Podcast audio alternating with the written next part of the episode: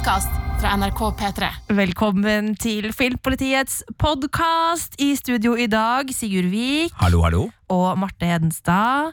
Hallo, hallo. Jeg, jeg, er litt, hallo, hallo. jeg er litt forkjøla, så hvis jeg begynner å hoste, så skal jeg bare si jeg har ikke korona!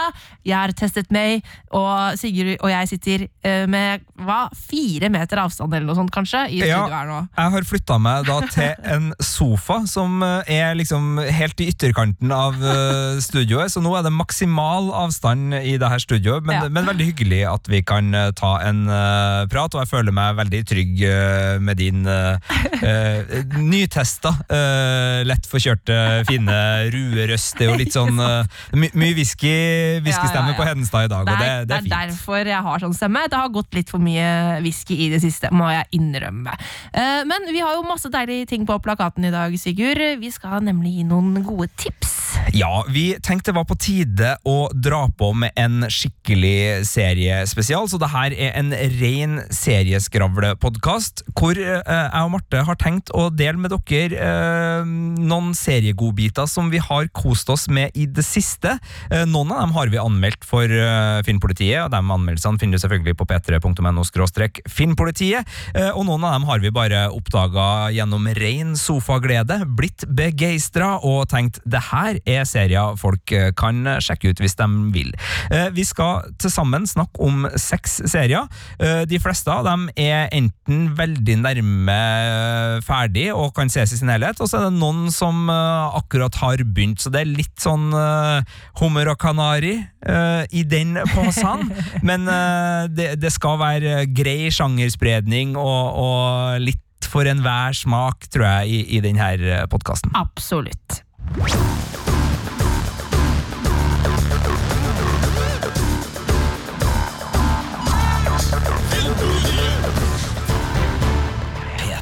Og vi skal begynne med det som jeg syns er en skikkelig, skikkelig, skikkelig godbit. Altså, det som jeg tror eh, Altså, garantert en serie som kommer til å havne på vår toppliste over de beste seriene i år. Tror du ikke det, Sigurd? Det tror jeg er helt riktig. Altså, det her er jo en serie som du har sett alt av, og som allerede har fått terningkast seks av deg på bakgrunn av hele sesongen. Eh, Det er en eh, serie som er inne i sin andre sesong, og i snakkende stund så er det én episode igjen av The Boys sesong to. Petra? What happened? My wife. She's alive. Vault's holding the captive somewhere. And right now, we're in a little bit of trouble. Åh, Carl Urban, I love you! Å, herregud, tenk at uh, den eh, liksom kjekkeste fyren i Lord of the Rings har blitt i det, en av de tøffeste fyrene i, uh, i The Boys. Det er jo helt nydelig. Han har vært, vært på en lang ferd gjennom sin eh, karriere, Carl Urban. Ja, og uh, han har vel truffet hjemmet sitt nå, på et Ja. vis. Altså, det føles som den rollefiguren som er liksom nærmest hans lynne. Uh, det, det, er jeg på bærtur her, eller er det altså, et eller annet Jeg aner ingenting om hvordan Carl Urban er som person, men jeg tror du har rett. Altså at eh, hans spirit sånn. animal er uh, Billy Butcher? Ja, i The Boys. Å, herregud. Uh, altså, vi har jo snakka en del om The Boys um, opp gjennom de siste par åra her i Filmpolitiet. Vi var ganske fra oss av begeistring da første sesong kom. Var, det i, var det i fjor? Ja, det var i fjor, det. Ja, det var i fjor, rett og slett. Herregud, tida flyr. Um, men um, nå er jo altså da snart hele sesong to ute, og vi kan jo bare sette settingen for dem som ikke aner hva det her er. Det her er jo rett og slett en eh, Hva skal vi kalle det? En superheltsatire som både harselerer med sjangeren, superheltsjangeren, og den derre vante eh, tropene som man finner om superhelter. Eh, og så er det nå et, et ganske sånn kritisk blikk på dagens samfunn, både når det gjelder eh, makt eh, og misbruk av makt, og også sosiale medier og det der, hvordan vi ser på kjendisenes liv i Hollywood, eksempel.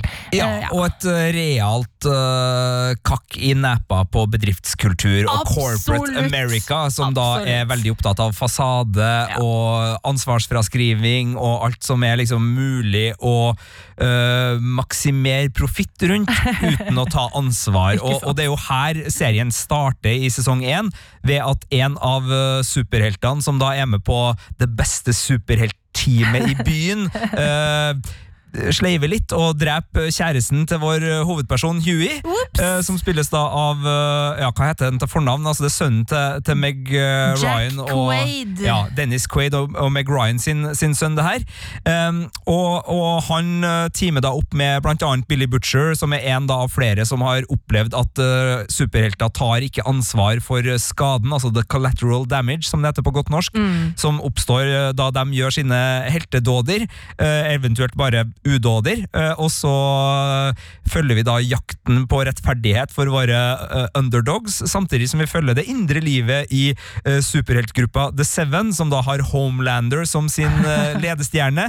En sånn skikkelig erkeamerikansk, superkjekk, holdsom type, som er pervers, uh, gjennomsyra av ondskap og rett og slett en av de mest brekkekle typene på TV. Og I sesong én så var det bra, og i sesong to, som du har sett ferdig, og som jeg ikke er helt ferdig med ennå, uh, så er det bedre. Ja, det er det. Det er enda bedre. Det er, liksom, grunnlaget ble lagt i sesong én med den der hva er det som skjer når, når superkrefter blir butikk. Altså, Vi befinner oss i en verden hvor vi, altså der Marvel er ekte. Altså Superheltene i Marvel-universet er ekte.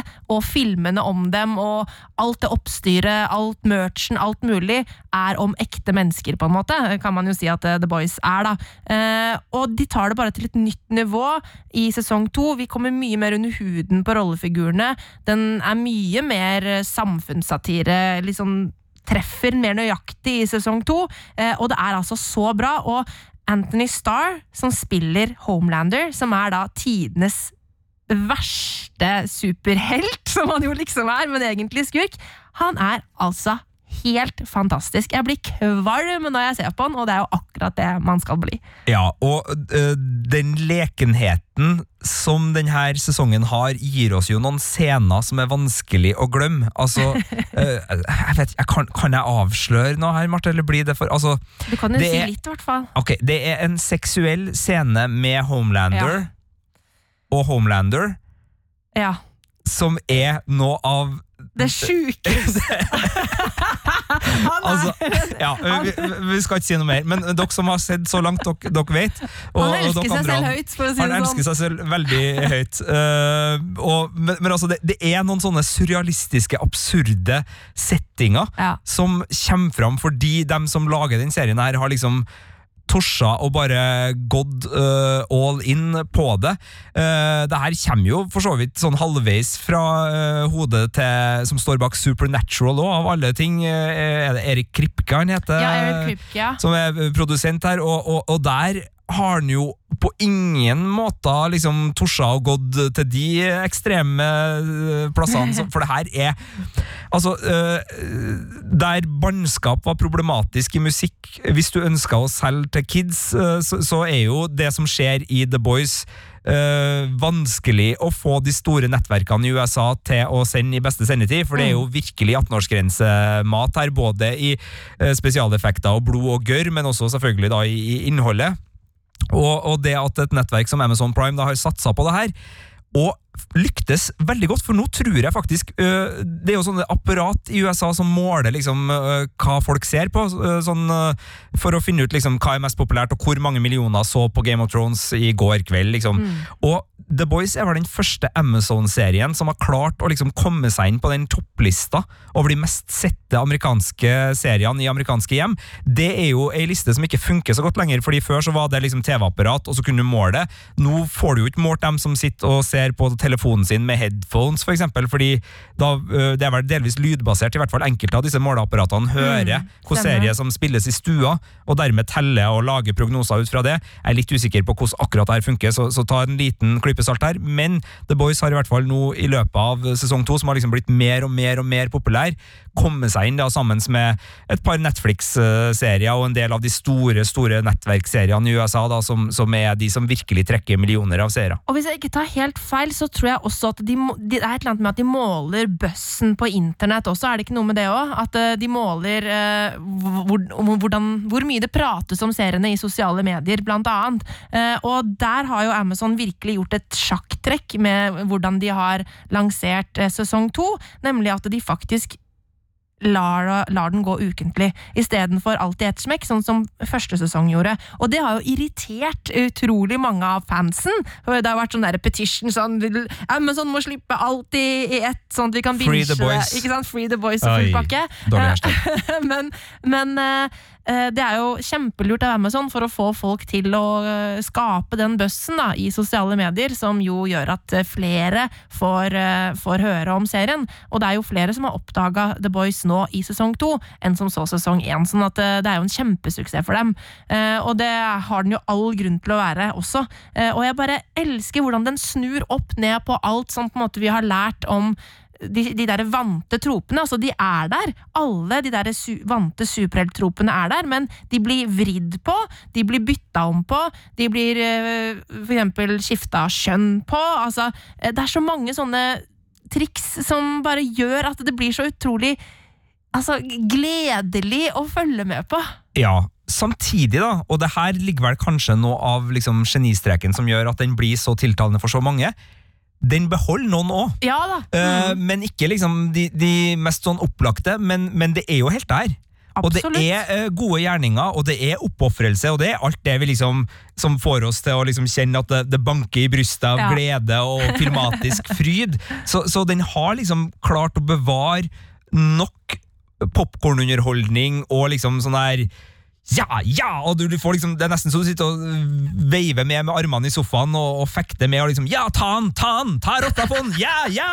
Uh, samtidig da som du alltid liksom har muligheten til at den du har investert følelsene dine i og tenker at er en ålreit person, uh, i neste scene viser seg å uh, ikke være det. Og det er noen uh, sånn sideplott i denne her sesongen, blant annet med forrige sesongs skikkelig ekling, som har noen Ja. krefter som går eh, på, på fiskesnakk og, og vannaktiviteter. Altså, uh, Aquaman-varianten. Ja, Han uh, er på en sånn redemption arc i, i denne sesongen som både er veldig vittig, og som tar oss med inn i et uh, litt sånn halvreligiøst uh, miljø som er fascinerende. Så, så det er liksom godbiter i alle de små sideplottene også, og det er jo det som gjør uh, sånne serier virkelig til noe som, som svinger. Sånn var jo Game of Thrones.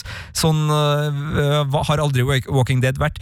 Sånn, nei da, men, men altså, de, de beste seriene eh, fungerer jo med et, et stort rollegalleri hvor det er interessant å følge alle, Ja. og ikke at du liksom sitter og, og liksom kjenner på dødtida hvis du skal innom noen, og, og liksom det, det er litt sånn Jeg, jeg tror Vet du hva, jeg tenker på første sesongen av Heroes, her, Marte, når jeg sitter og ser herregud, på, så på The bra Boys. den var! Og folkens, eh, altså, Heroes er jo så gammel nå at det kan hende at eh, det, er, det kan hende det er noen av våre litt yngre lyttere som kanskje aldri har sett Heroes. Eh, og det var jo en så fantastisk serie som ble så dårlig. Ja, den, den for virkelig nedi grøfta og, og øh, bygde seg et hjem der. Øh, den, den gikk ikk- Det gikk ikke bra med Heroes, Nei, men den første sesongen Helt nydelig. er helt nydelig. Så jeg vet ikke om den ligger noen plass øh, Jeg skal nå. sjekke det nå. Ja, uh, fordi i så fall så er det faktisk uh, jeg, Den er jeg, verdt å se. jeg gjetter på at den har holdt seg ålreit. Jeg er litt usikker, men Den den har en ligger del apropos på Amazon Prime Video. Ligger Heroes på Amazon Prime Video. Mm. Så når man er ferdig med å se The Boys sesong to, som da kommer ut med sin åttende og siste episode for sesong to, den er fornya folkens allerede, så det kommer mer, Uh, og da med en gammel Supernatural-kjenning også, for sesong tre. Eh, jeg tror han eh, godeste uh, Winchester uh, type Dean Winchester, nå husker ikke ja. jeg hva skuespilleren heter, skal spille i en kommende sesong, hvis jeg husker riktig nå på, Ok, på ok. farten, men det er dumt å freestyle. Men, men ja, Heroes etterpå, ja. Fader, for et nachspiel. Nei, det, det er artig. Ja. Og nå fikk jeg lyst til å se Fringe òg. Å, herregud, men det var jo veldig bra. Ja, det var også veldig bra. Apropos Game of Thrones Nei, uh, Ringenes herre-skuespillere som begeistrer. Ja, ja, ja.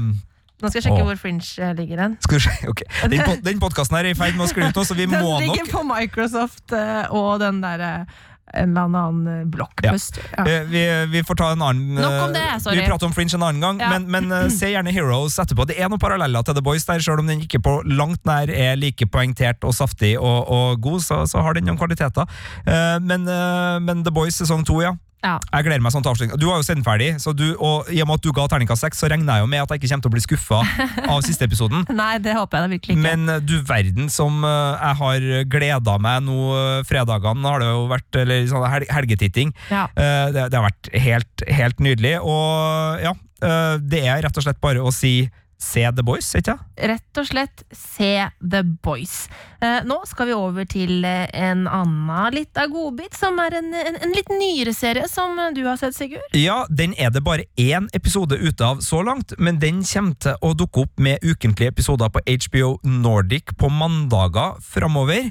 Eh, Det er en blodig, gjørmete og sorthumoristisk western som jeg vil si kanskje ville ha vært resultatet hvis du hadde putta Spike Lee, Cohen-brødrene og Quentin Tarantino inn i samme rom og bedt dem om å gjenfortelle historien om slaverimotstanderen John Brown. Det her er The Good Lord Bird. Everybody got God on their side in the war. Trouble is, God ain't telling nobody who he's for. My name is Captain John Brown!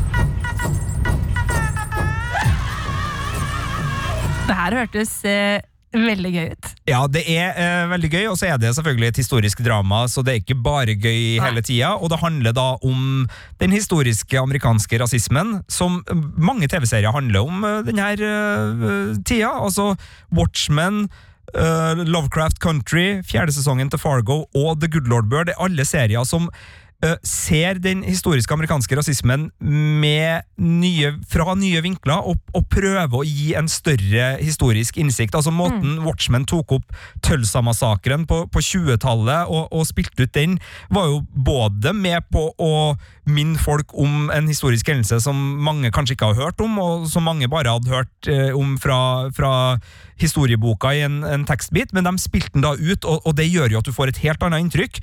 Og i The Good Lord Bird da, så er det altså um, raidet på Harpers Ferry, som er en historisk hendelse som er rett før den amerikanske borgerkrigen, og som eh, omtales eh, av historikere som en slags generalprøve for den amerikanske borgerkrigen.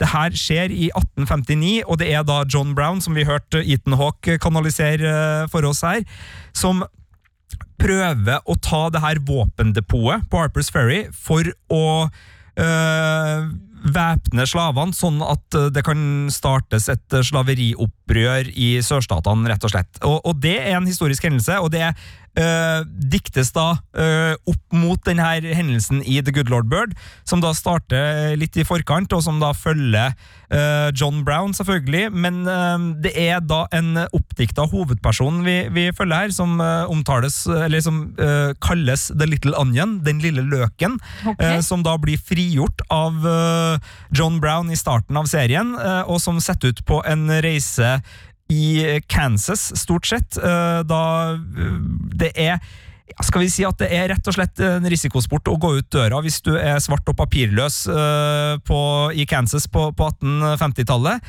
Uh, og hans eh, eh, på en måte opplevelser eh, setter oss da inn i, i opptakene her, og vi møter da personer som Harriet Tubman og, og eh, Robert E. Lee, altså general, den store generalen til sørstatene. Altså, sånne historiske skikkelser er også da ute i ytterkantene her. Eh, og så må jeg jo bare si at eh, det er da eh, nydelige Joshua Caleb Johnson som spiller da The Little Onion, og sammen med Ethan Hawke i, i den andre hovedrollen, så leverer de to rolleprestasjoner som gjør det her til en serie som virkelig begeistre, og, og de spiller litt sånn De er litt fra to ulike serier, på et vis.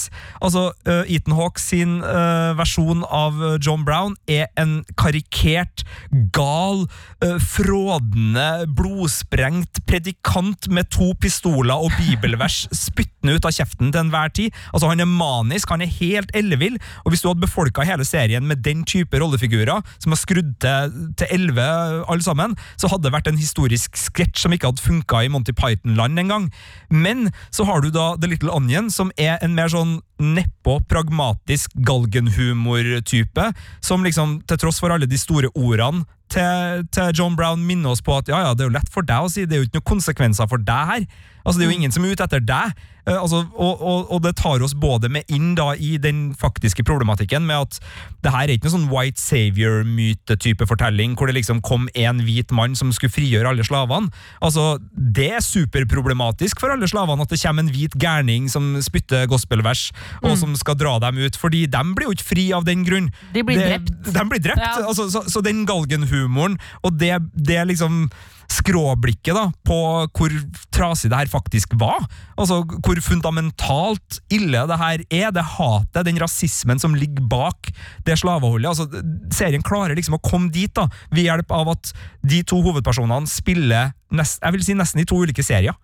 Men de funker sammen, og, og det, det går sammen på, på deiligste vis. Men det er jo der Spike Lee og Cohen-brødrene er gode referanser, fordi Spike Lee gjør mye av det samme, også både i Black Clansman, som, eh, altså det her er jo samme produsentene som har laga Black Clansman, der gjorde noe litt det samme. altså Det var humor, og det var en historisk hendelse. og han klarte å kombinere det alvoret som trengs, med latterliggjøring der det er passende. Ja, ikke For det er artig du- med latterliggjøring. Sånn Ja, ja. du kan bli, bli både provosert av hvor fælt ting er. Du, det er historisk eh, en setting så du kanskje lærer noe, samtidig som det òg kan bli underholdning fordi at det er vittig liksom inni der. Ja, og det er godt å flire av Ku Klux Klan og hvor Ja.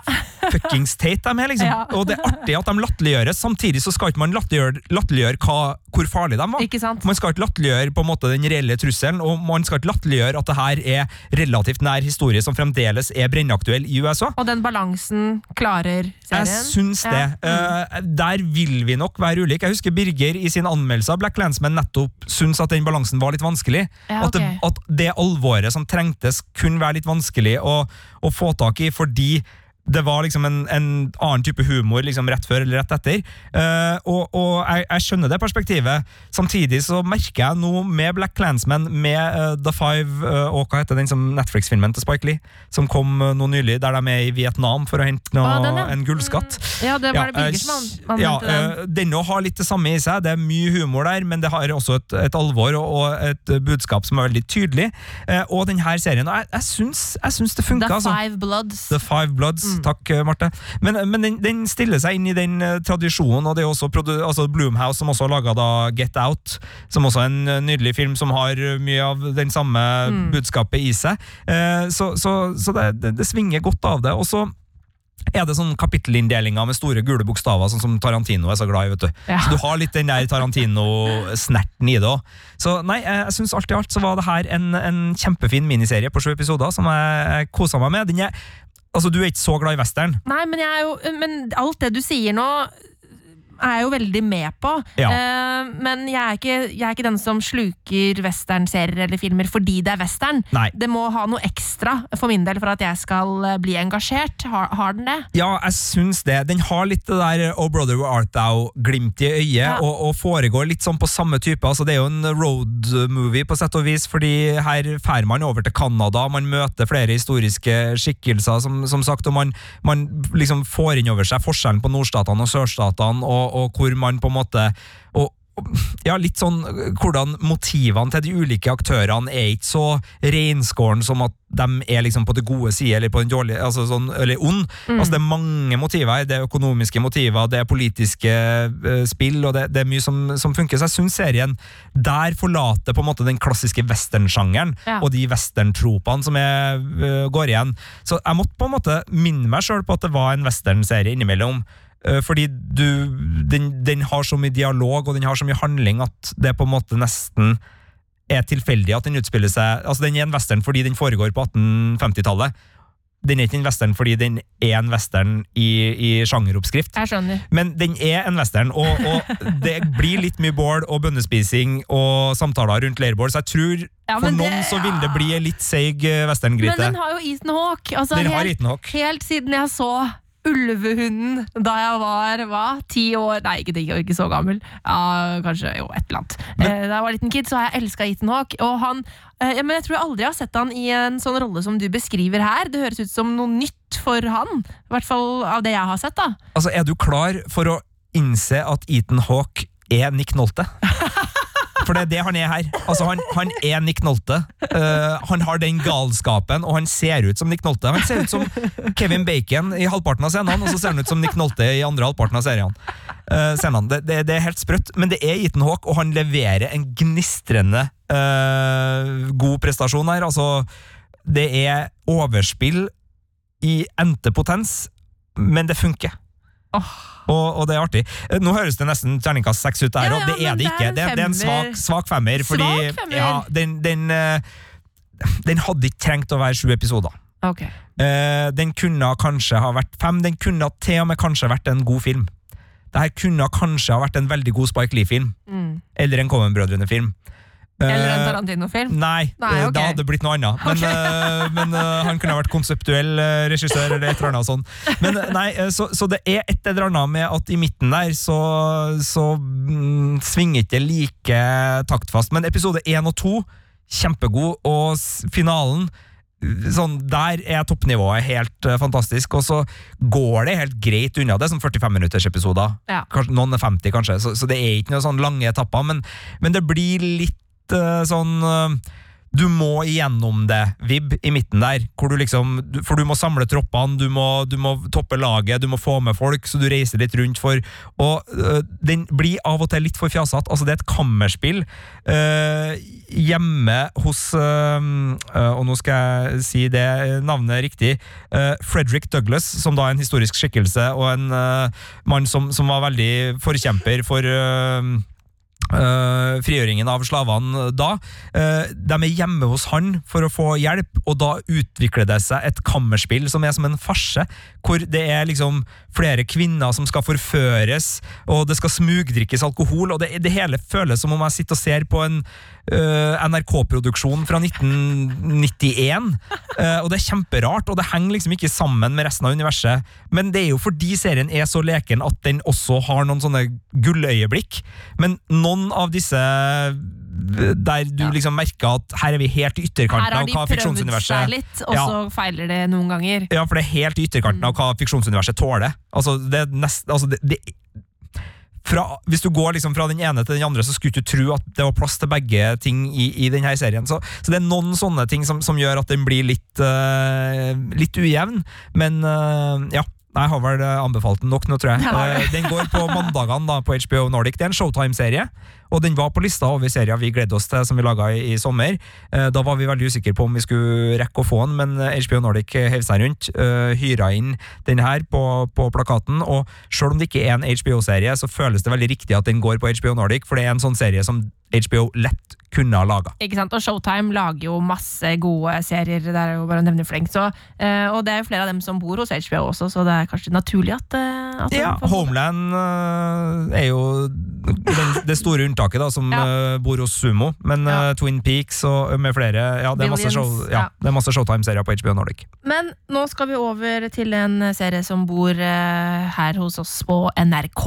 eh, som har fått mye oppmerksomhet eh, i høst, men vi gir den enda litt mer oppmerksomhet, vi, fordi vi syns den er så bra, nemlig Norskish.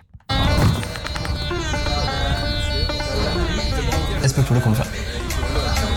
Jeg har norsk pass. Det var ikke det jeg mente. Hvor er du kommer fra? Jeg er født i Iran, hvis det var det du lurte på. Eller må jeg ha blå øyne og blondt hår? Det jeg lurer på, er hvilket fly du kom med. Du da? Du har bodd lenge i Norge. Jeg er født der. Spennende. Kanskje du har en sånn derre kvartlivskrise? Ja, jeg kosa meg skikkelig da jeg så Norskish. Eh, Jeg eh, skulle se én episode bare for å sjekke den ut. Uh, Binsja hele skiten på én kveld, for jeg klarte bare ikke slutte å se på! Uh, fordi jeg syns rett og slett uh, det her var så bra. Uh, og det handler jo om en, eh, en vennegjeng. Eh, det er Helin, Amrit og Fariba som eh, hva skal vi si, sånn som eh, PR-apparatet til NRK har, har skrevet og sagt, som står med eh, i en kulturell spagat, er det ikke det de har sagt? Eh, Spagat mellom, eh, mellom flere to kul- kulturer, Ja. ja. ikke sant. Eh, og de, utfordringene det byr på. Um, og så er det jo rett og slett bare en deilig serie om eh, tre venner i 30-åra som har utfordringer i livet sitt, um, og som rett og slett kanskje gir oss eh, en litt sånn annen og mer sånn hverdagslig fortelling eh, enn hva man er vant til å se på TV når det kommer til eh, mennesker med flerkulturell bakgrunn.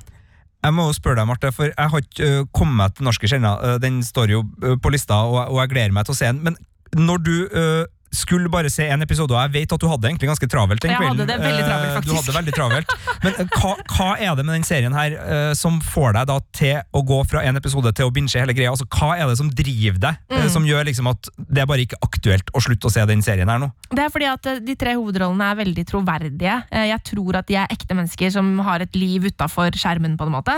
Jeg er spent på hvordan det går med dem. Eh, og det er jo eh, Selda Ekiz som spiller Helin, som er da eh, har tyrkiske foreldre. Eh, hun er lege, eh, og som eh, syns det er litt vanskelig når lillesøsteren eh, blir gravid utenfor ekteskap. For, eh, for hva vil folk si, eh, er hennes eh, innstilling til det. Eh, Og så har vi Ravdip Singh Bajwa som spiller Amrit, som har en eh, hemmelig eh, norsk kjæreste som han ikke eh, ønsker å fortelle om til eh, moren sin. Um, og når han møter en eh, veldig vakker øh, eh, dame som har litt sånn glimt i øyet med samme bakgrunn som seg selv, så begynner han å lure på om ja, kanskje mamma har rett. Er det øh, en fra min kultur som jeg heller bør ende opp med? Uh, og så er det da Fariba, spilt av Nasrin Kushavi, som, som er en dame som det er hun vi hørte i klippet her, som i passkontrollen eh, blir provosert fordi eh, politiet spør eh, hvor hun eh, kommer fra. Hun føler seg veldig, veldig norsk. Hun ønsker å være norsk. Hun ønsker på en måte litt å distansere seg fra den bakgrunnen som foreldrene hennes har, eh, og sliter med det, da. Eh, og så møter de alle på store og små problemer i livet som, som bare det er så godt skrevet. Altså, jeg, jeg blir bare så revet med, og spesielt likte jeg Helin, altså Selda Ekiz sin rollefigur.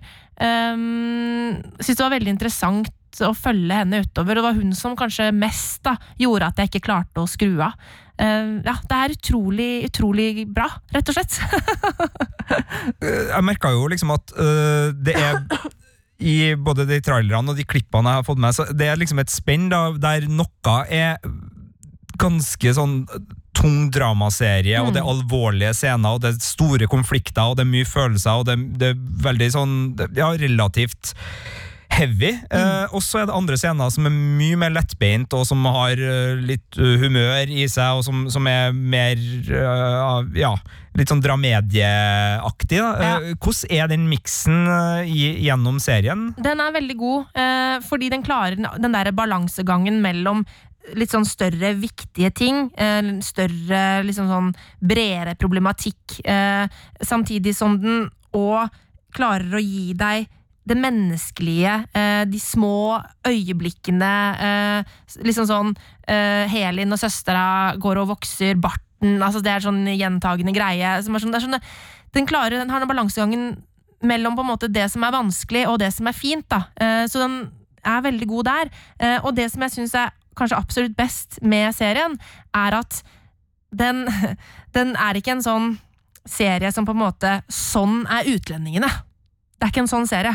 Det er en serie som, som viser folk med eh, flerkulturell bakgrunn i masse forskjellige situasjoner. Eh, og den er veldig fin til å eh, understreke at ok, sånn er den familien. Alle tyrkiske familier er ikke sånn, men den familien er sånn. Eh, så den klarer på en måte å skape et sånt stort spekter da, av mennesker eh, som er troverdige å følge, og som ja, den er utrolig nyansert, rett og slett. Um, og det er veldig, veldig bra gjort, rett og slett. Det, ja, jeg er skikkelig, skikkelig imponert uh, over uh, hva serieskaperne har fått til her. Og nå skal jeg undersøke øh, noe for å finne ut hvor imponert jeg er over deg. Eh, Hvor mange episoder, altså hvor mye bingetid gikk det den kvelden her? Det, er det ti titimersepisoder? I så fall så er det, altså det er voldsom binging, Marte? Det er åtte, åtte episoder. Uh, hvor lange er de? De er vel sånn 30 minutter ish. ja, det, du, men jeg er ganske imponert Ja. over at du binga det der, for det er jo over fire timer ren TV, da. Det er eh, riktig, som du ja. konsumerte på den her travle kvelden. Ja, det var sent på kvelden. Det var sent på kvelden, og, og, eh, du, og du skulle opp tidlig. Det skulle jeg. Ja, Vi var på jobbtur, da, folkens. Det er derfor jeg, jeg vet det her. Jeg holder ikke den her oversikten over Marte sånn til vanlig. Litt sosial kontroll i redaksjonen er det, men, men ikke så ille. Men Uh, vi skulle eh, opp tidlig begge to, og vi, vi var på, på hvert vårt hotellrom, og Ja. Marte skulle liksom bare Dritsliten, skal, men jeg skal få sett en episode av Ja. Asja. Asj, asj, asj. Og så liksom på, på frokosten dagen etterpå, så bare Ja, jeg så alt. Ja. Ja. Uh, nei, Men da er den jo så bra, da. Den er så bra! Den er så bra. Absolutt så bra. Uh, det er ikke alltid uh, binsjing eh, betyr at ting er så bra. Jeg har binsja mye ræl. Vi skal, vi skal vel til en serie snart, Marte, som, som illustrerer akkurat den utfordringa litt. det, det skal vi. Men norskers er akkurat så bra. Filmpolitiet På P3. Da mm, er det min tur. Det er det. Er det nå jeg får lov til å snakke om eh, fotball og sånn? Det er fotball og sånn. Er det fotball og sånn? Er det fotball og Ted Lasso og sånn? Det er noe sånt, Det er fotball og Ted Lasso som går på Apple Pluss, eh, og som akkurat er ferdig med hele sesong én. Ja. Det var ti episoder som jeg kosa meg masse med. This is a bit of news from the other side of the Atlantic. AFC Richmond announced the hiring of their new manager, American football coach Ted Lasso. You're an American who's now in charge of a football club despite possessing very little knowledge of the game. Oh! I know that AFC Richmond is going to give you everything they got, win or lose. Or tie. Right, y'all do ties here. Ok. Ted Lasso. Eh, Apple TV Pluss eh, original. eh, ti episoder, runda av nå forrige helg. Og det er en komiserie om engelsk fotball. Så Marte, det er en komiserie om engelsk fotball, men det er fra Bill Lawrence, skaperen av Scrubs. Å, jeg digger Scrubs. Det er en trivelig gammel uh, serie. Det er en sykehusseriefavoritt som Mm. jeg holder mye høyere enn f.eks. Grey's Anatomy. Selv om, og, og da mener jeg som men det er en helt annen type sykehusserie, må Jo, vi jo bare understreke. Det må vi understreke, men jeg føler at jeg på en måte Altså, som sykehusserie, og ikke bare fordi det er komedie, så syns jeg Scrubs er så fin, fordi den tar opp litt sånn som House. Så tar den opp sånne ja, sånn Lyme disease og en del sånne Du må liksom Du må stille diagnosen riktig. Men uh, imellom at det liksom kommer inn en pasient på starten som får en diagnose på slutten, så er det jo bare fjas. Mm. Deilig, deilig fjas. Men uh, vi skal ikke snakke om Scrubs nå. Uh, jeg har noen DVD-sesonger av den liggende. Det Den er ligger det. for øvrig i ni sesonger av på Viaplay også, hvis man har lyst til å sjekke ut den. Og det eneste som er litt synd, er at Aziz Ansari av alle, som er en helt nydelig komiker, kommer inn og er litt Jeg husker den rollefiguren var litt slitsom. Steakhouse-roping, og det var, det var, mye, det var mye der. Eh, men men eh, ja, nei, Scrubs er nydelig. Men Ted Lasso kommer fra da samme serieskaperhånd, og har Jason Sudakis da i hovedrollen som en trener som kommer da fra eh, USA, Mhm. og kan amerikansk fotball. Og kan ikke engelsk fotball, og blir da trener for et lag på den ja, nedrykkstrua delen av tabellen. Det er lunt. De har en pub de er på i hver episode og tar noen øl og snakker ut om ting. Den er fin. Den er veldig full av liksom, hjertevarme og medmenneskelighet, for det her er en sånn trener som egentlig ikke kan fotball, men han kan coaching, på en måte. sant? Han kan folk. Han kan folk. Mm. Eh, og så er plottet egentlig det samme som i bas eh, baseballfilmen Major Leagues med Charlie Sheen og Tom Berger og Wesley Snipes fra sånn ca. 1990. eh, så, så du vil kjenne igjen eh, liksom, handlinga ganske greit her, og skjønne det er en slem eier som prøver å få laget konkurs fordi hun har lyst til å straffe ektemannen som elsker laget. Ja. Så en litt sånn dårlig start, egentlig. Altså, det er litt sånn det der vindictive bitch-tropen er ikke så kul i 2020, men de jobber heldigvis med den, og og den, den, den forblir ikke der. Men, men eh, akkurat den starten den var nok lettere å pitche i Hollywood eh, i 1990 eh, enn det den bør være å pitche i, i, i dagens samfunn. Så der er det litt sånn oi, shit. hva, ja. Men, men de, de får det til, og de har en del stereotypier, men de jobber med dem, og, og det er ikke en serie som i hvert fall ved første gjennomgang virka å, å ha noen sånne store problemer, selv om den spiller jo veldig hardt på britisk fotballstereotypien. Mm. men det er litt greit. Altså Her er det mye sånn uh, hardmen som ikke har stort ordforråd, og som ikke skal vise følelser. Ja, ikke og sant, som er litt sånn ja. knappmor og sånn. Ja. De, de får kjørt seg. Eh, Roy Keane-typen. eh, og eh, det navnet er nesten med i serien nå, på, på en av midtbanespillerne. Så, så det er okay. noe der. Fotballspillinga? Nja. Eh, ikke alltid lett å få til sånne ting. Det, altså, Goal-filmene var vel heller ikke alltid liksom knallgode på det. Det, det er noen ålreite fotballsekvenser inni her, men, men det er virkelig altså Sammenligna med det å se en faktisk Premier League-kamp, så er jo det her øh, piss. Men, Ja, okay. men, men det er ikke så farlig, fordi det er mer på en måte det rundt som, som er viktig. Så er det noen helt nydelige musikalske øyeblikk. altså Vampire Weekend sin Harmony Hall kommer inn og lydlegger slutten på episode seks, som har et sånn vemod og en veldig sånn øh, et vendepunkt i seg, som da funker så mye bedre når du får Vampire Weekend med på laget. Og det er en del gode musikkøyeblikk, og det er litt festing, og det er Uh, litt sånn uh, absurd komikk, og spesielt assistenttreneren er en sånn jevn leverandør av sånn deadpan-humor som er kjempefin. Uh, og så er det liksom baking og tedrikking og Ja, nei, det, det er mye der som er sånn koselig, og som bare er godt selskap. Så jeg har hver fredag de siste tida så har jeg liksom kommet hjem fra jobb, altså eh, sending med Finnpolitiet, og bare liksom middag og Ted Lasso. Å ja, du går for Ted Lasso over Mandalorian? Jeg har gjort det. Oi, dæven Ja. Dette. Ok, Eh, nå, har jeg, nå har jeg fått til begge deler, ja. Mm. Men Ja, ja, eh, ja. Mandalorian har liksom vært mer sånn Men, men den første, det Ja. første jeg vil se når jeg kommer Er hjem fra jobb, okay. det første som skal liksom kickstarte helga mi, har vært uh, Ted Lasso. Men da må jeg spørre, jeg bryr meg jo ikke noe særlig om fotball, jeg kan lite om fotball. Uh, Jeg har jo sett Jeg syns det er gøy å være på fotballkamp sånn in real life. Sorry, in real life. Uh, Men, um, men jeg kan ingenting om det. Kommer jeg til å like Ted Lasso likevel? Eh, Det er i hvert fall ikke på en måte fotballen som hindrer deg i å like den. Altså Akkurat som vi liker Uh, alle idrettskomedier, enten det er Jamaican bobslide, eh, bobsled team, altså Kalde rumper, Cool Runnings, for dem som uh, har lyst til å sjekke den ut. Kan du finne ut hvor Cool Runnings uh, ligger? ligger det, det må ligge i Disney pluss, håper jeg. Lurer på om Disney har Men mens Marte sjekker det Nei, altså enten du liker amerikansk fot... Altså sånn, Du hadde så rett! Ligger Disney, på Disney Plus? Ok, da må jeg hjem og se Cool Runnings. Og så kan du leie inn i Den frykt- Google Play Den frykter jeg at kanskje ikke har holdt seg. Åh, den, altså, At det den kanskje er både sett litt sånn uh, Ja. Den, den jeg tror jeg på. så i 94 og har ikke sett siden. Ja, den kom i vi, 93. vi får se. Det er altså da det, er Jamaicas øh, landslag i bobkjøring, Ja. som er øh, ja. Eh, Mighty Ducks, øh, hockeyfilmen med Emilio Esteves, ligger også i Disney Pluss for øvrig. Så øh, poenget mitt er bare, hvis du, set, hvis du liker idrettsfilmer sånn generelt, Mm. fra liksom Dirty Dancing, Karate Kid, øh, Cool Runnings, Jeg alt det elsker at du kaller Dirty Dancing for en idrettsfilm. det er er er konkurranse. Dansekonkurranse, helt korrekt. Så det, så, sånn er det. Med montasje og alt. Altså Jennifer Grey eh, må lære seg å ikke være kilen og danse. Eh, og det er en fin montasje satt til eh, Hungry Eyes, ikke det? Hungry eyes. Du, du, du. Eh, Kjempe, kjempefin montasje. Eh, Så, så det Ja da. Eh, Så, så ja, Marte, du kan kose deg med det her selv om du ikke liker fotball. Det er godt å høre. Dumme spørsmål du stiller. Herlighet. Nei da. Flotte spørsmål. Tusen takk for at du kom hit og stilte spørsmål. Neste serie. Ted Lasso, Apple TV Pluss. Kjempefin. Ja, og nå skal vi rett og slett til Netflix.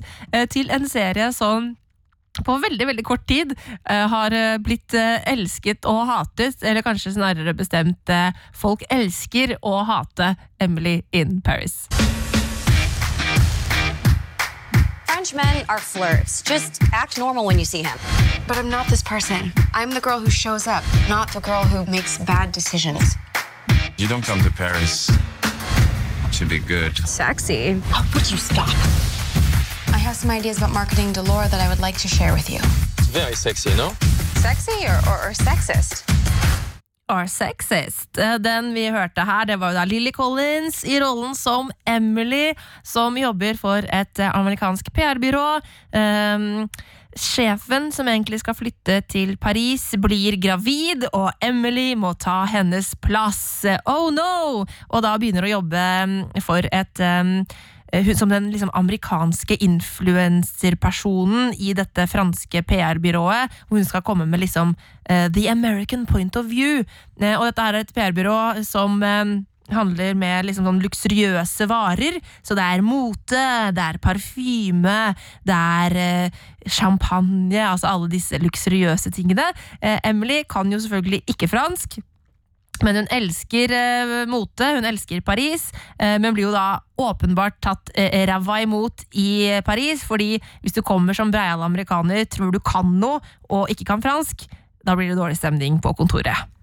Eh, jeg har ikke sett denne serien, men jeg har fått med meg at den har skapt litt reaksjoner. Uh, og det siste du sa der er vel kanskje litt av årsaken til at uh, den heller ikke har blitt liksom bare tatt godt imot i Frankrike, fordi Ja, de føler at det her kanskje er en serie som bruker veldig amerikanske briller. også på liksom hvordan de ser det franske og Paris og liksom de kulturforskjellene som Ja. også tas opp i serien, da vil jeg anta. Absolutt. Altså, jeg tenkte på det da jeg så den, at det her er ekstreme, ekstremt karikert eh, versjon av Frankrike. Både eh, the, both the good and the bad. Altså, eh, det er selvfølgelig dritromantisk i Paris. Maten, croissantene. Alt er så vakkert. Klærne er helt utsøkte. Det, alle er helt sånn plettfritt kledd. Um, og liksom Alt sånn der, Eh, Men så er det også det der med å nei, vi kommer ikke på jobb før sånn 10-11. Altså, vi, vi lever jo ikke for å jobbe, vi jobber, jo for å leve. Og så liksom sånn Alle franskmenn har jo elskerinner. Altså, liksom, den, er, den er veldig sånn.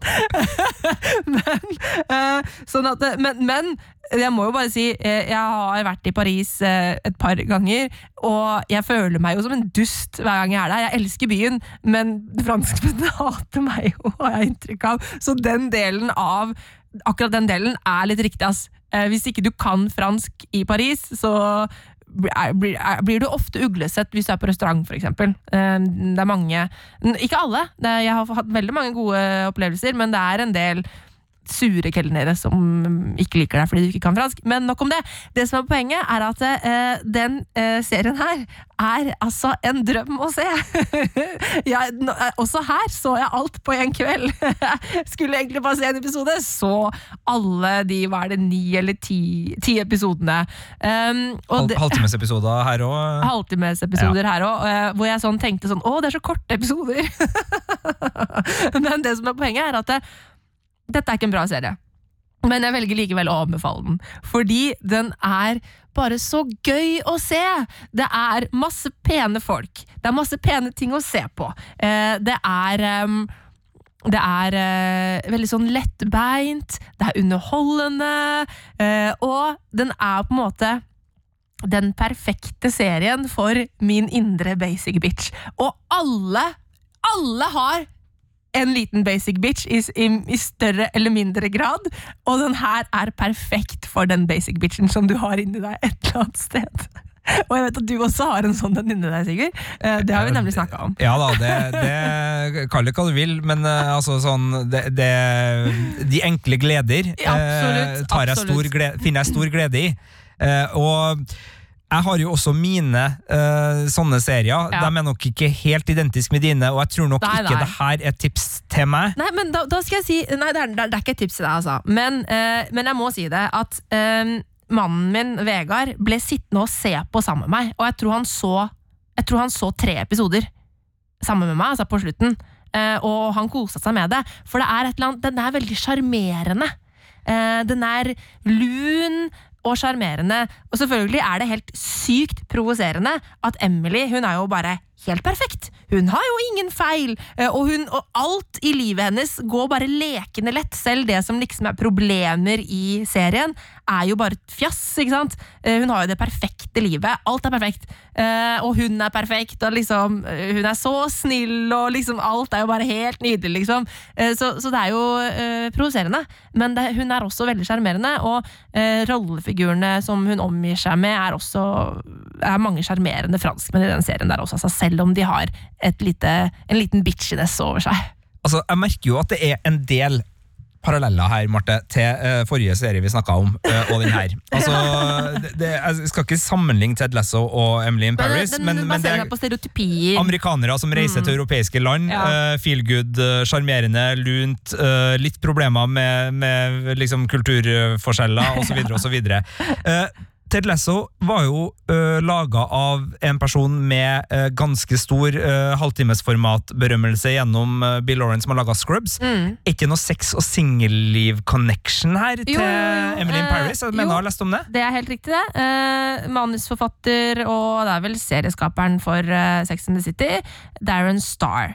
Han er jo en, et stort navn når det gjelder denne typen serier. Altså, han har laga Sex og Singelliv, han har laga Beverly Hills 90210, eh, Younger hvis du kjenner, ikke sant? Ja, jeg har både sett og Ja, anmeldt jeg vet at du du ikke likte den, men den, er, den har vært ganske populær. Ja da, og, og jeg Eh, skjønner hvorfor den er populær. Det var bare at uh, Og ja, der sleit jeg med en del ting, eh, Ja. blant annet uh, hovedpersonen som er og i, i 40-åra, som skal late som hun er i 20-åra, eller hva faen det er. ja, det, var, det var mye der. Ja. Torbjørn Harr gjorde en fin rolle, så vidt jeg husker. Det gjorde det han. var Torbjørn Harr? Jo, det var Torbjørn Harr som var med der. Ja, Melrose Place, altså han, alle disse tingene har han hatt en finger med i spillet på. Da. Han er, han er dritgod på det der. Eh, men um, Emily in Paris er, er ikke en ny sex- og singelliv, eh, og den prøver heller ikke å være det. Uh, eh, må jeg bare si. Eh, det, det den minner meg jo om, selvfølgelig, er jo Devil Wears Prada-filmen.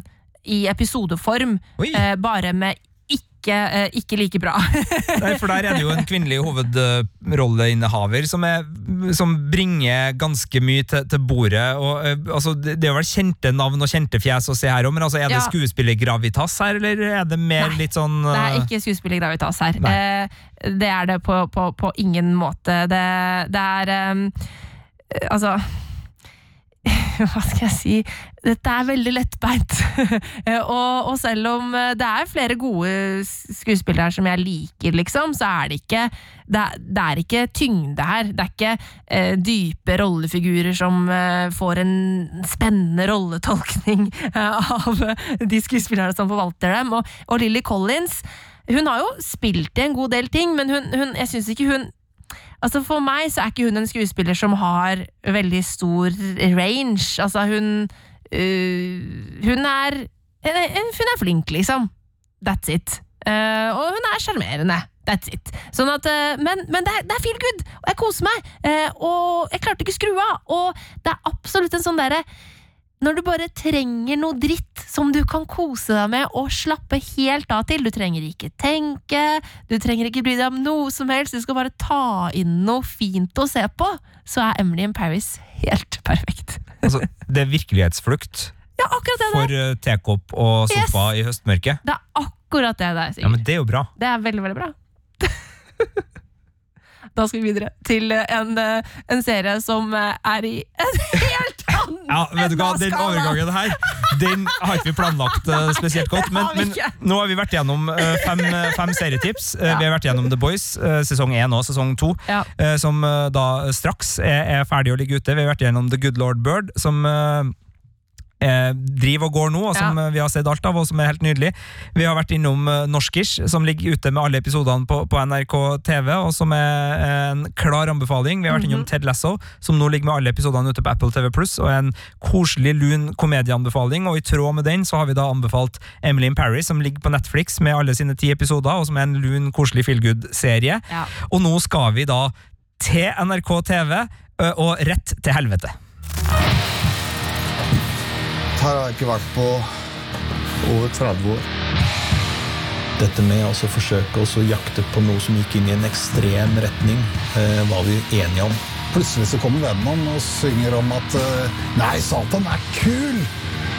Utgangspunktet var jo aggresjonen som vi hadde mot samfunnet, mot eh, autoritetene.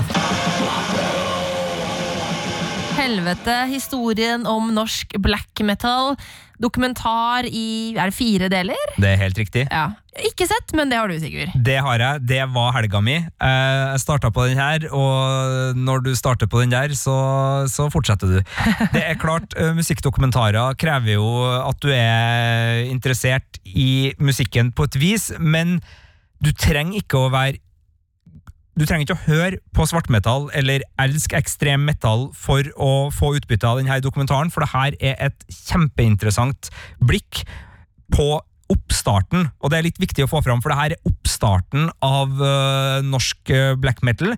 Det er en serie som i sine første tre episoder er helt nydelig, grundig, og har fått tak i en del intervjuobjekter som virkelig forteller denne historien med nye synsvinkler og får fram en del perspektiver som er helt nydelige, samtidig som eh, for dem som kjenner stoffet her, så er det jo veldig mye eh, holdt på å si, repetisjon. altså det, Mm. det er de, de store man er innom, eh, spesielt Mayhem, da, og hvordan de ble danna. Man er innom butikken Helvete, som ble en, et viktig sted. Man er innom kirkebranner og drap, sånn lite grann, men det, men det er ikke det som er kjernen her, sånn som det har vært i en del andre skildringer, hvor det har, kontroversene har vært det viktigste. Fokuset her er på musikken og den musikalske utviklinga. Hvem var det som laga denne musikken? Hvem var de inspirert av? Og, og hva, hva førte det til, og hvordan på en måte uh, mata de hverandre med inspirasjon? Og, og den historia funker så lenge man er interessert i musikk og kultur, eh, fordi det er ei historie som er fascinerende og inspirerende, og det her er jo også musikk som har mye større på en måte rekkevidde enn bare innenfor ekstremmetallen. Altså, eh, hvis man er glad i uh, indie og Sonic Youth, så vil man jo finne ut at uh, paralleller her, og hvis man er Mm. glad i symfonisk metal, som uh, kanskje Marte Hedenstad kan være tilbøyelig Kanskje. til å være, så, så kommer man jo dit. Mm.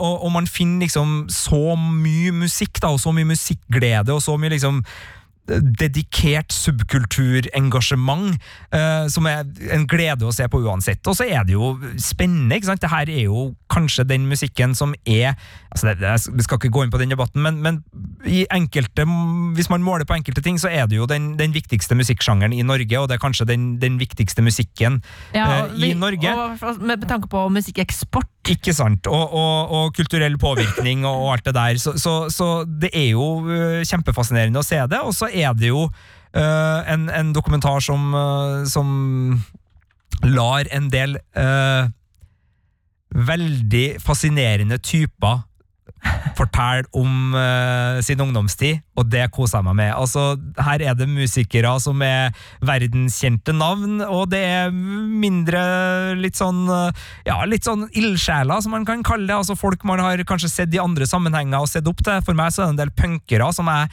ikke kjenner som black metal-folk, men som jeg vet om fra For jeg var veldig glad i punk på 90-tallet og vokste opp i, i skatepunken, og, og ser liksom sånn Jøss! Yes! Ja, det, og, og, og så oppdaga jeg ja, ja, det er jo for at øh, selv om det er to vidt forskjellige musikksjangre, på sett og vis, så det var en del av de holdningene som drev de her menneskene til liksom, de her subkulturene og den her undergrunnen, litt sånn det samme. Så, så nei, det, det er fascinerende på så mange vis. Så er jo det litt triste, men samtidig for så vidt forståelig, er at siste episoden, som da liksom øh, skal handle om det som uh, er uh, på en måte Altså storhetstida, der er det litt for mye innhold og litt for lite tid. Ja. Altså, jeg skulle gjerne ha sett det her i flere episoder. Uh, altså, Dimme Borger er med, men de er nesten ikke med. Uh, og, det, og det er flere sånne ikke sant? Sånne store navn som du liksom Som bare blir nevnt fordi de må nevnes, liksom. ja, eller de er med og forteller sin lille del, men, men de skulle ha jo hatt egne episoder. ikke sant? Ja. De skulle ha fått større plass, det skulle ha vært mer der. Det skulle ha vært ti episoder, Uh, og man skulle ha virkelig hatt tida til å dykke. Men sånn kan man føle av og til. og det er klart, eh, det har kommet en del sånne musikkdokumentarserier som har vært så grundig, og da sitter man og liksom tenker at å, hvorfor har ikke de gjort det samme? Countrymusikkens historie, for eksempel, som ligger på NRK også, kjempegrundig og tar for seg liksom sånn dypdykk i, i ulike sjangre og forteller med, med en veldig sånn fascinasjon. Og så har uh, du har liksom Tales from the Torbus, som er den animerte serien som eh, HBO Nordic har, hvor liksom eh, både countryen og soul og funk forteller sine røverhistorier og animerer dem og utbroderer dem. Altså Man har sett så mye bra, da. Mm. Så da sitter man jo og er superkravstor, ikke sant? Så kommer det en norsk produksjon der, så bare sånn ah, 'Hvorfor har du ikke gjort det?' Hvorfor har ikke gjort det? Så jeg føler meg som et rasshøl når jeg liksom sitter og, og etterlyser det, men samtidig, det var et savn jeg hadde. Ja. Så jeg skal være ærlig på det. Jeg syns de tre første episodene forteller spesielt historier om Mayhem, og, og musikken til Mayhem, og, og hvordan den kom til, og hva den har betydd, på en helt nydelig måte. Og så blir episode fire en oppsummering som er helt grei, og som er fin, og som har mye flott i seg, men som egentlig da blir en påminner om at her vil jeg ha mer. Mm. Uh, og jeg håper jo jeg får mer. Jeg håper det lages mer, men, men om det nå ikke blir laga mer, så var uansett det her en, en opplevelse. Og det er fire halvtimesepisoder, sånn cirka. Uh, så det er relativt Det fort er, gjort. eh, det er jo lett fordøyelig, det. Det er ganske lett fordøyelig, og så er det noen journalistiske valg som man kan diskutere. Eh, og det har blitt eh, påpekt litt sånn at eh, hvorfor er ikke det på en måte tatt opp mer, og sånne ting. Men samtidig, man gjør sine valg, og, og denne gangen var det et veldig fokus på musikken, noe som gjør at en del av kontroversene har blitt uh, enten helt eller delvis utelatt. Uh, okay. så, så hvis man liksom ser denne dokumentaren for å lære mer om kontroversene norsk uh, svartmetall eller black metal har skapt, så er ikke en dokumentar som, som graver veldig mye i det. Det her er fokus på musikk og, og den kulturelle påvirkninga.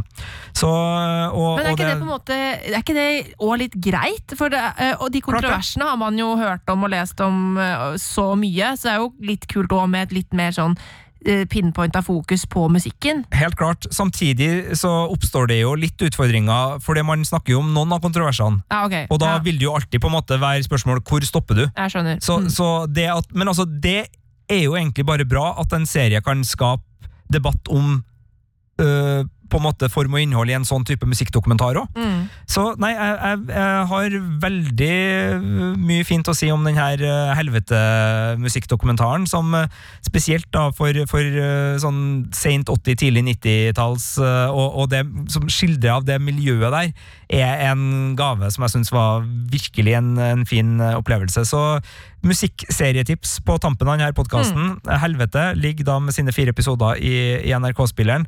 Den eh, tenker jeg skal fungere utmerket for alle som er glad i alternativ musikk, og så skal den nok fungere ganske godt for dem som bare er kulturinteressert også. Da skal jeg prøve å få sett den uh, i løpet av helga. Nå som jeg tross alt har sett ferdig Emily in Paris. ikke sant? Men Det er jo fint å kunne liksom skifte litt uh, imellom, og, og det er ja, nei, det, det er god underholdning, uh, det her, Marte. Og Absolutt. For deg som eh, har noen eh, Ja, altså, det, det er noen eh, nå blir det veldig personlig til deg, her da, men det, altså, det er jo ikke noe tvil om at death metal og black metal har noen uh, ulikheter. Mm. Og at death metal kanskje har uh, noe uh, i seg som er litt um, heller litt mer i den retningen hvor du kanskje finner fantasy-elementer som du er veldig, veldig glad i. Så, og og det, dem, det, det er noe, noe greier der, så, Ja. så den er også fin for, for deg, tror jeg, sånn, selv om det ikke er så mye fokus på demoner, drager, sverd og, og den biten. Så, så ja, du får litt, og ikke minst da den symfoniske biten som, som det kommer inn litt etterpå. Så, så jeg tror du skal kunne glede deg bra med det her. Altså. Ja, Det er godt å høre. Eh, Det var eh, våre tips til serier du kan se akkurat nå. altså. The Boys på Amazon Prime Video, eh, The Good Lord Bird på HBO Nordic, Norskish, NRK TV, Ted Lasso, Apple TV Pluss, Emily in Paris på Netflix og også da Helvete til slutt her i NRK TV. Eh, tusen takk for at du hørte på, og hvis du har noen tips om serier du syns at vi bør se, så Kom gjerne med det. Filmpolitiet at nrk.no. Der finner du oss. Eller på Instagram eh, og Twitter. Der finner du oss hvis du søker etter Filmpolitiet. Takk for nå! Jeg spurte hvor du kommer fra. Jeg har norsk pass. Det var ikke det jeg mente. Hvor er du kommer fra? Jeg er født i Iran, hvis det var det du lurte på. Eller må jeg ha blå øyne og blondt hår? Det jeg lurer på, er hvilket fly du kom med. Du da? Du har bodd lenge i Norge. Jeg er født der. Ja. Spennende. Kanskje du har en sånn derre kvartlivskrise? Og for de norske piker